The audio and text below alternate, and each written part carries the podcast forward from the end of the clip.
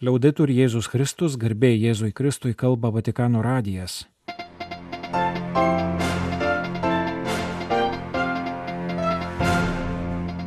Malonus klausytojai šioje programoje. Popiežiaus katechezė apie pavydo ir puikybės įdas, malda už karaukas, priminimas apie konvenciją dėl priešpėstinių minų.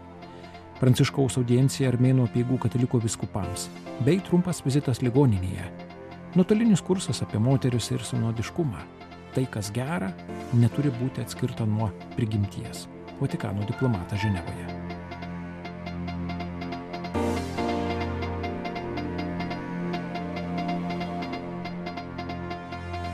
Vasario 28-osios bendrosios audiencijos katechezija buvo aptartos dar dvi sunkios įdos minimos dvasinio gyvenimo tradicijos sąrašuose - pavydas ir puikybė Bendrai audiencijai vadovavo popiežius Pranciškus, tačiau jam atsiprašus, kad dėl peršalimo vis dar neturi jėgų kalbėti, katechezę perskaitė vienas jo bendradarbis. Partiamo dall'invidia.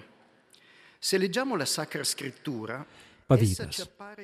Šventajame rašte ši įda minima jau pradžios knygoje. Tai viena iš seniausių įdų. Joje skaitome apie kaino neapykantą abeliui, kai pirmasis pamato, kad brolio aukos yra malonesnės Dievui. Kainas buvo vyriausias Adomo ir Jėvo sūnus.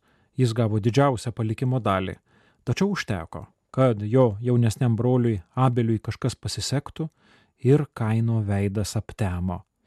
Pavydolio veidas visada liūdnas, jo žvilgsnis įbestas į žemę, atrodo, kad jis ten kažką apžiūrinėja, bet iš tiesų nieko nemato, nes jo protas yra užtemdytas piktų minčių. Pavydas, kuris nėra suvaldomas, veda į neapykantą kitam. Abelis žus nuo kaino rankos, nes pastarasis negalėjo pakesti brolių laimės. Pavydas yra blogybė, kuri tyrinėta ne vien krikščioniškoje aplinkoje. Ji domino visų kultūrų filosofus ir išminčius. Pavydo įdos pagrindas - neapykantos ir meilės santykis. Trokštama blogio kitam, bet tuo pat metu slapta norima būti panašiu į kitą. Kitas apreiškia tai, kuo norėtume būti ir kuo iš tiesų nesame. Kito sėkmė mums atrodo neteisybė, tai mes galvojame, esame daug labiau nusipelnę sėkmės ar laimės nei kitas. Šios įdos šaknis klaidinga Dievo samprata. Nepripažįstama, jog Dievo matematika skiriasi nuo mūsų Atsiminkime Jėzaus palyginimą apie darbininkus, kuriuos šeimininkas pakvietė dirbti vienuogynę skirtingų dienos metu. Atėję anksčiau mano, kad turi teisę į didesnį atlyginimą nei tie, kurie atėjo paskutiniai, o šeimininkas, sumokėjęs visiems vienodai, paklausė, nejaugi man nevalia tvarkyti savo reikalų kaip noriu, ar pavydu, kad esu geras, Mes norėtume Dievui primesti savanaudišką, egoistišką logiką, o Dievo logika yra meilė. Jis dovanoja mums gerybės, kad jomis dalytumėmės.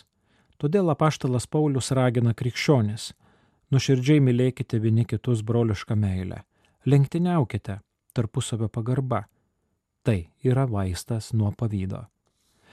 Kartu su pavydo demonu už parankės žengia ir puikybės įda Šios įdos yra būdingos žmogui, siekiančiam būti pasaulio centru, be skrupulų, išnaudojančiam viską ir visus, kad gautų kiekvieną pagirą ir meilę. Puikybė yra išpusta ir nepagrista savigarba. Išpuikęs žmogus turi gremėzdišką aš. Jis nepasižymė empatiją ir nejaučia, kad pasaulyje be jo paties yra ir kitų žmonių. Jo santykiai visuomet yra instrumentalizuojantis ir užvaldantis kitą. Jo asmenybė, jo pasiekimai ir sėkmė turi būti visiems primiktinai rodomi. Jis yra amžinas dėmesio reikalautojas. O jei kartais jo savybės nepripažįstamos, jis labai pyksta. Tai kiti neteisūs, jie nesupranta ir nesugeba. Evagrijos puntietis aprašo karčią kai kurių puikybės apniktų vienuolių dalę. Pasitaikydavo, kad po pirmųjų dvasinio gyvenimo laimėjimų jie jau jautėsi pasiekę tikslą ir todėl metėsi į pasaulį, kad sulauktų jo pripažinimo, bet nesuvokė, kad buvo tik dvasinės kelionės pradžioje ir kad jų tyko pagunda, kuri netrukus juos parblokš ant žemės. Dvasiniai mokytojai nesiūlo daug priemonių išpuikeliams gydyti. Tam tikra prasme vaistas lypi pačioje puikybės įdoje.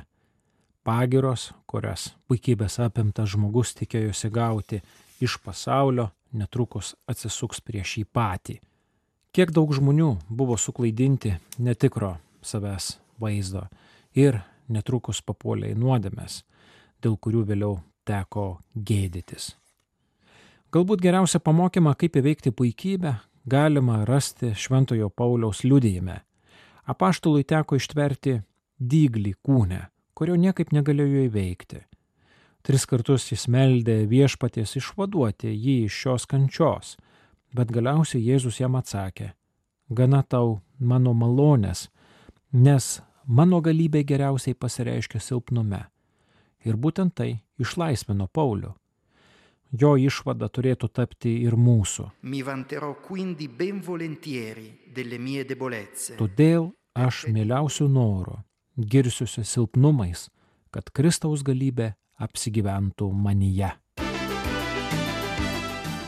Trečiadienio bendrosios audiencijos metu popiežius Pranciškus, kaip įprasta savo klausytojų, paprašė atkreipti dėmesį į keletą įvykių pasaulyje. Jis kalbėjo apie konvencijos dėl prieš pėstinių minų sukakti ir vietas, kur siaučia karo bei smurto blogis.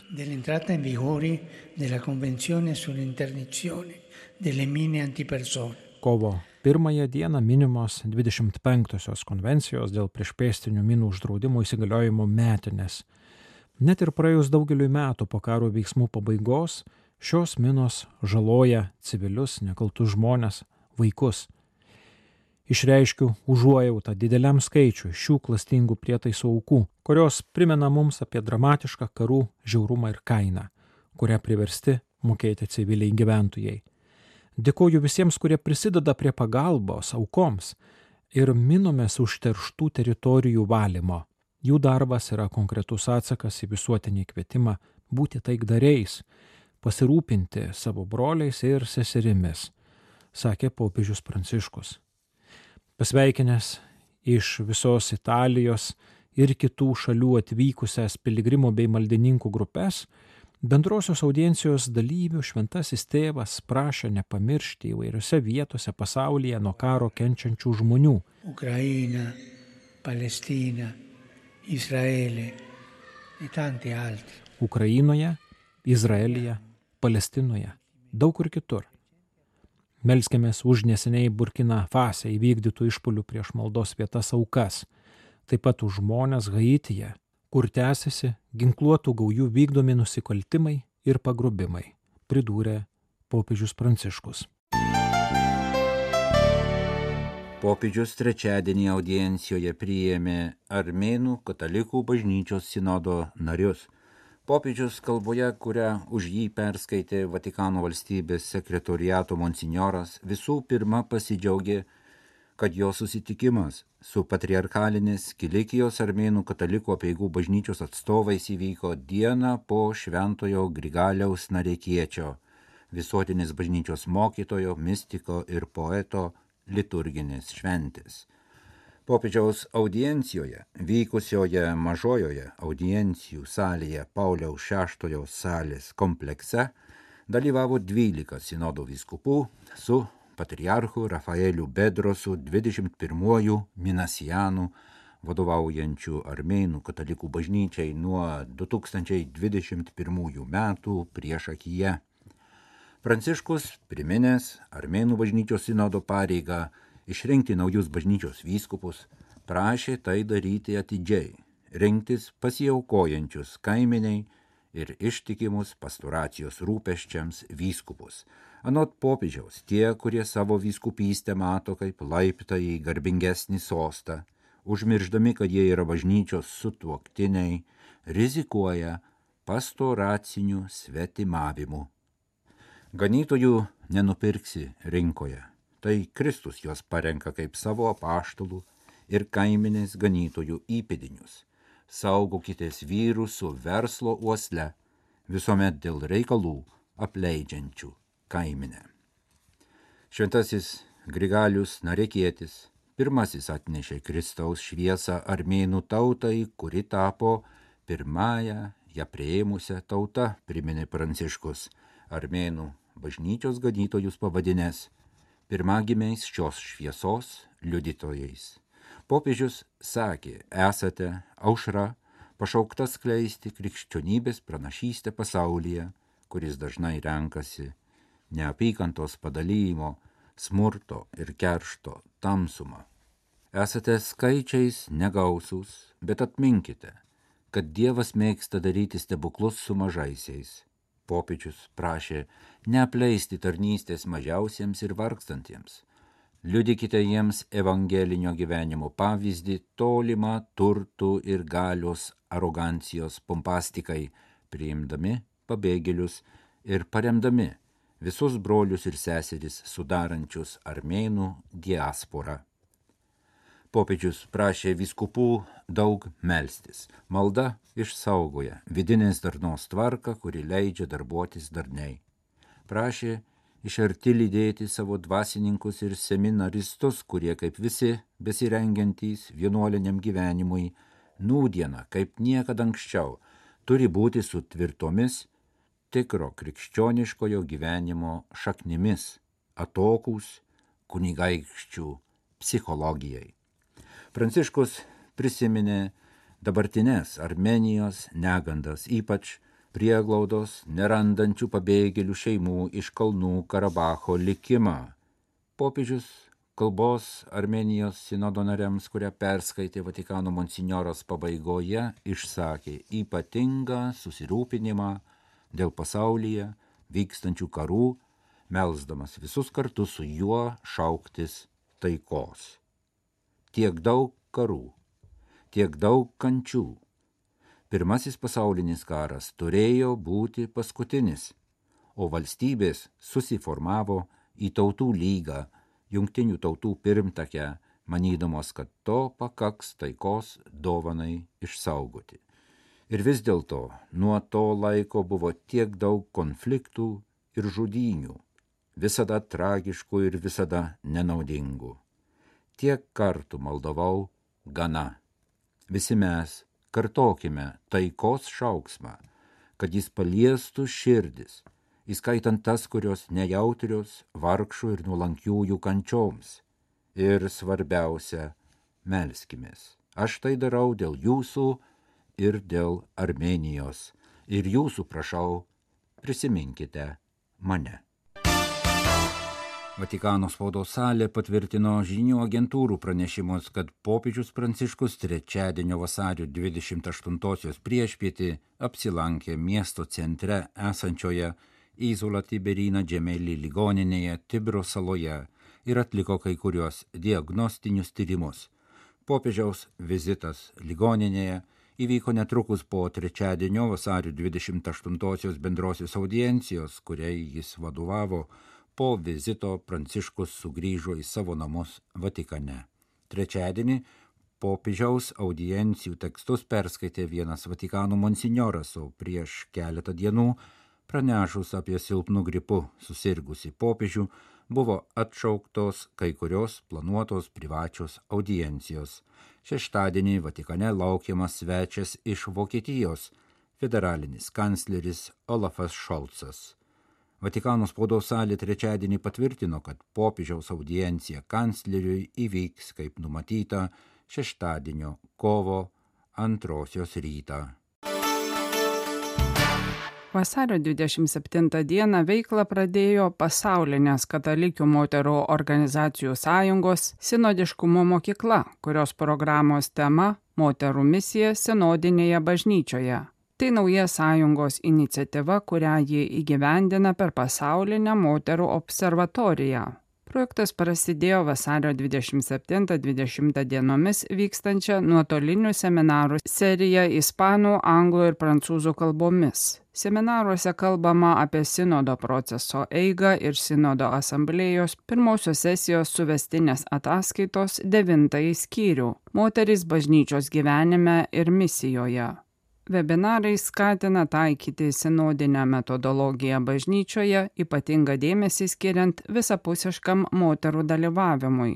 Susitikimuose pranešimus skaitė Viskupų sinodo 16 eilinės generalinės asamblėjos vykusios 2023 m. spalį dalyvės dvi popiežiaus pranciškaus išrinktos sinodo asamblėjos delegatės pirmininkės Momoko Nishimura iš Japonijos ir Marija Dolores Palencija iš Meksikos, žurnalistė iš Mozambiko Šeila Pyrės ir sesuo Marija Kimperman iš Junktinių Amerikos valstijų, filosofė Anne Beatrice Faye iš Senegalo ir australų profesorė Susan Pasko pasaulietės Eva Fernandės iš Ispanijos ir Sanda Šaul iš Libano.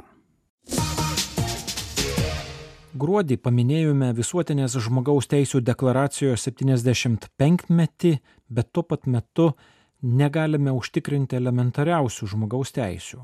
Mums reikia naujos sprendimų ir sprendimų įteisinimo procedūros, nes prieš dešimtmečius sukurta ankstesnioji dabartinėme pasaulyje nėra veiksminga pažymėjo arkivyskupas Etorė Balestrero, nuolatinis šventojo sosto stebėtojas Ženevoje, pasisakydamas žmogaus teisų tarybos diskusijose. Žmogaus teisų ir laisvių pažeidimai yra globalūs. Minties, įsitikinimo ir religijos laisvės pažeidimai, tikinčiųjų diskriminacija ir persekiojimas auga. Religijos laisvė pažeidinėjama trečdalyje valstybių, kuriuose gyvena beveik 5 milijardai žmonių. Kai kuriuose vakarų šalise religinė diskriminacija ir cenzūra vykdoma prisidengus tolerancija arba įtraukimu. Įstatymai iš pradžių skirti kovai su neapykantos kalba dažnai tampa įrankiais, kurie naudojami prieš minties, sąžinės ir religijos laisvę, veda prie cenzūros ir priverstinės kalbos. Dėl ideologinės polarizacijos ir pavienių valstybių interesų tarptautinės žmogaus teisų organizacijos dažnai patenka į aklygatvį Išeitis yra atsiminti tiesą, kuri glūdi visuotinės žmogaus teisų deklaracijos širdyje. Žmogaus prigimtinis orumas yra taikos ir žmogaus teisų, teisingumo ir laisvės pagrindas. Siekiant gerinti daugia šalę diplomatiją, svarbu puoselėti vertybės, kurių šaknis yra žmogaus orume. Tam reikia atkurti bendrą mūsų prigimties sampratą, kuri apima įsipareigojimus ir moralinės normas, kurias galima suprasti žmogiškojų protų ir kurios turi būti gerbiamos. Negalime atskirti to, kas gera, nuo to, kas teisinga ir to, kas giliai įsišaknyja mūsų žmogiškoje prigimtyje, pabrėžė Šventojo sosto diplomatas. Šiandienos iššūkiai gimsta iš pagarbos žmogaus teisėms ir pripažinimo, kad esame susiję trūkumo. Bandymai įrašyti vadinamasias naujas teises ne visada atitinka tai, kas iš tiesų yra gera žmogaus orumui Tokie bandymai kreipia link ideologinės kolonizacijos, kuri kenkia asmens orumui, skaldo kultūras, visuomenės ir valstybės vietoj to, kad puoselėtų vienybę ir taiką.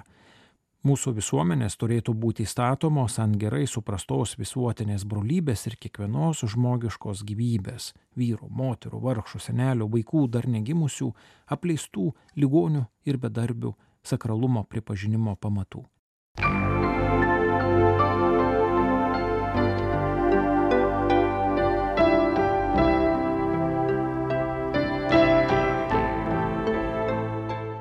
Malonus klausytojai laidą lietuvių kalba baigiame. Kalba Vatikano radijas. Garbė Jėzui Kristui, liaudai turi Jėzus Kristus.